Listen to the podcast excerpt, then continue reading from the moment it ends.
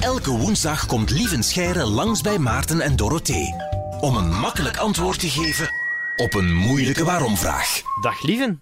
Een zeer goede dag. Hallo. Ja, het is al een beetje laat natuurlijk, maar we zien je nu pas, dus gelukkig nieuwjaar. Voor jullie ook natuurlijk. We hebben nog een heel jaar om elkaar gelukkig nieuwjaar te wensen. Hoera! Het is, het is voor 2019, hè, toch? Niet meer voor 2018. Nee, nee, Ah, deze is voor ça va. 2019. Dan zijt je er op tijd bij.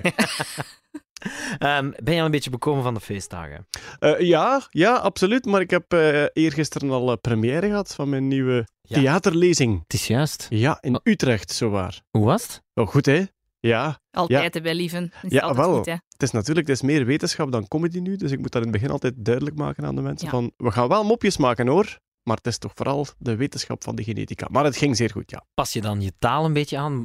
Kurt Rogiers die begint toch altijd zo Hollandser te praten eh, als hij daar is. Eh, Begin jij dan ook zo wat meer? Eh, ik probeer, enfin ja, ze, ze, ze zijn heel erg verliefd op de Vlaamse tongval, hè, de, Ja. de Nederlanders. Dus je, je moet dat niet te veel wegwerken. Maar vooral, ja, bepaalde jokes werken gewoon niet. Hè. Ik heb een, een, paar, een paar moppen over frituursnacks die ze daar niet kennen. En dan, Ah. ja, dan moet je dingen vertalen en aanpassen en zo. En dat is soms moeilijk, want soms zitten die op een cruciaal moment en dan moet je iets nieuws verzinnen. Ja, ja, ja. Ja. In ieder geval, eh, we gaan verder met de orde van de dag. Veel ouders hebben twee weken kerstvakantie doorgebracht met hun kinderen. En we zien dat aan hoeveel vragen er binnengekomen zijn. Kindjes vullen duidelijk graag hun vakantie met waarom-vragen Arme stellen. ouders. En ouders niet met ze te beantwoorden. Nee, nee, nee, nee. Ah, voilà. dus ja, daar ja. komen wij helpen. Jij komt daar helpen. Voor deze week hebben we deze vraag eruit gekozen. Mama Ineke heeft ons de vraag van haar dochter Zoe doorgestuurd. Hallo, ik ben Zoe en ik heb een vraag. Waarom heb je s- 's morgens prutjes in je ogen? Ja, het heeft een eh, redelijk duidelijk antwoord. De prutjes in onze ogen zijn eigenlijk gewoon een beetje ons oog die elke ochtend de vuilzak buiten zet. Oké. Oké.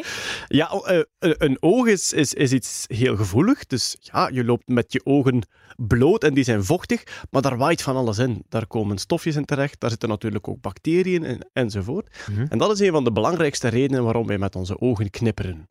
Eh, op uw ogen ligt er... Uw ogen zijn constant vochtig aan de buitenkant.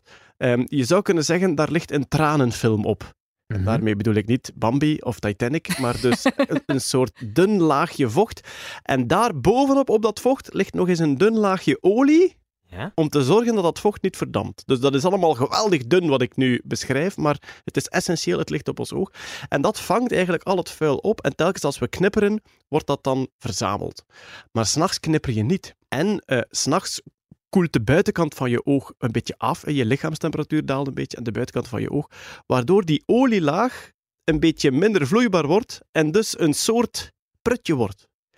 En al dat vuil en die bacteriën worden dan eigenlijk verzameld in kleine pakketjes, de vuilzakjes zouden kunnen zeggen. Ja. En die worden dan s'morgens heel proper afgezet in de hoek van je oog. Dus de prutjes in je oog zijn ja, eigenlijk een beetje het, het, het reinigen, het zelfreinigen van je oog. Kijk eens, dat is een bondig, maar zeer duidelijk Ja. antwoord.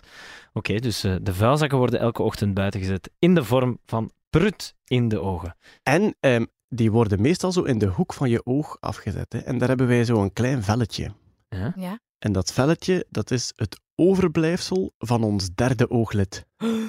Dus we hebben een ooglid van boven en beneden. En veel dieren hebben een derde ooglid dat van de binnenkant van hun oog nog eens tjoek tjoek naar buiten eventjes kan vegen.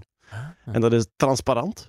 En dus vooral bij, bij vogels eh, kan je dat wel eens zien. Dat die in plaats van met hun ogen te knipperen boven en onder, dat die willen kunnen blijven kijken en dat er een soort transparant vliesje eventjes ja, over ja. hun ogen gaat. Ruitenwissertjes eigenlijk. een Ja, beetje. ja, een ruitenwissertje. Katten hebben het ook, maar je ziet het meestal enkel als ze heel snel wakker schrikken. Dan zie je het nog snel terugtrekken zo, Ja. naar, naar, naar de hoek van hun oog.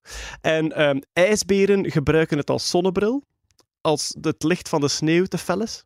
Dus als de weerkaatsing op de sneeuw eh, te fel is. En spechten gebruiken het als ze eh, tegen een boom aan het hameren zijn.